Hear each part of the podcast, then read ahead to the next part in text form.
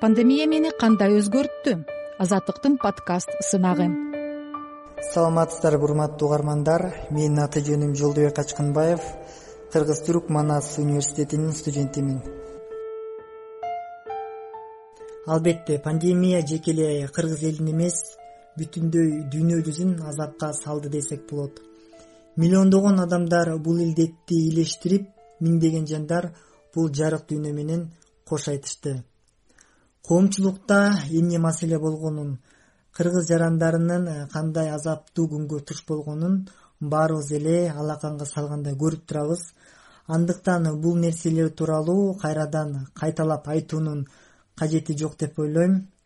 Карантин менин башыма кандай ойлорду салды пандемия мени кандай өзгөрттү бул тууралуу ой бөлүшсөм мен студент болгондуктан э, көпчүлүк убактымды окууга жана коомдук иштерге бөлчүмүн. Ал эми карантин маалында үйгө отуруп калганыма байланыштуу эмнегедир э, жакшы кабарга жылуу сөздөргө шыктандыруучу дем күч берүүчү деги эле үмүт берүүчү сөздөргө абадай муктаж болдум десем болот. Ардактуу угарманым сиз элестетсеңиз бир жалпак табактын ичинде кызыл жана көк алмалар бар.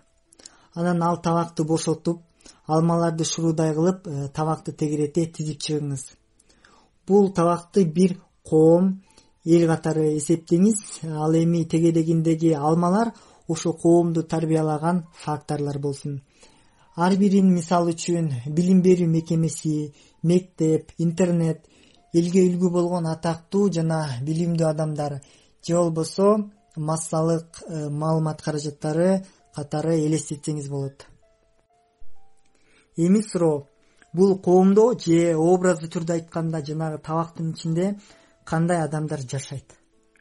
Мен жүз пайыз деп айта албайм бирок көпчүлүк бөлүгү уктаса турса да оокатты ойлогон э, мен үй салышым керек мен унаа алышым керек деп өйдө чуркаган жаш муундары арканды алыс таштабай эле жеңил желпи нерселерге маани берип э, колунан телефон түшпөгөн деги эле ушак менен ыз ычууга жакын эл жашайт дейли.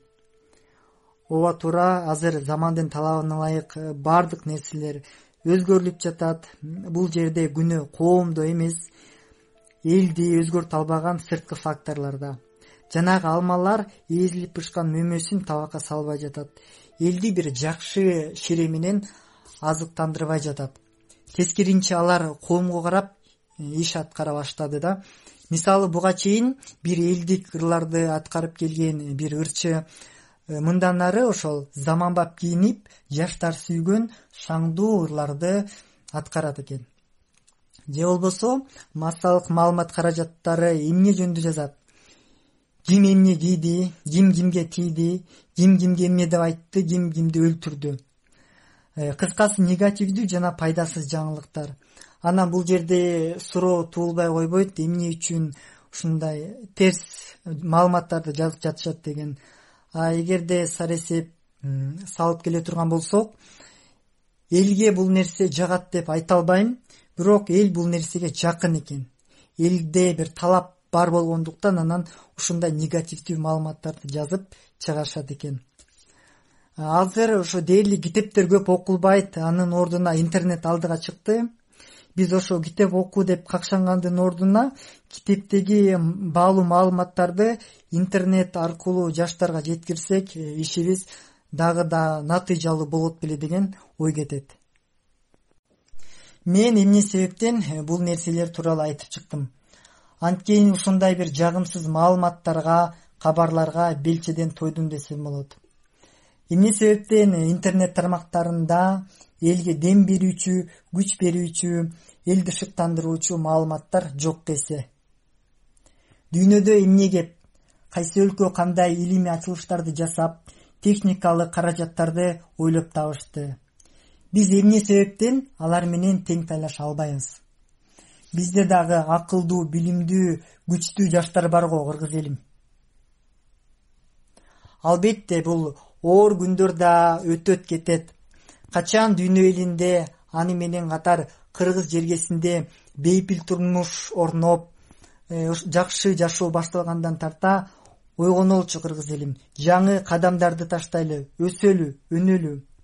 Учурдагы саясий абалдын канчалык кыйын экендигин мен айтпасам дагы эл жакшы билет.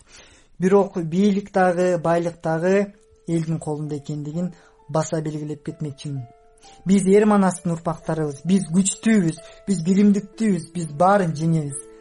Пандемия мени ушундай ойлорго жетеледи. Эл жерине дем күч бергиси келген улан катары өзгөрттү десем болот. Көңүл бурганыңыздар үчүн чоң рахмат. Пандемия мени кандай өзгөрттү? Азаттыктын подкаст сынагы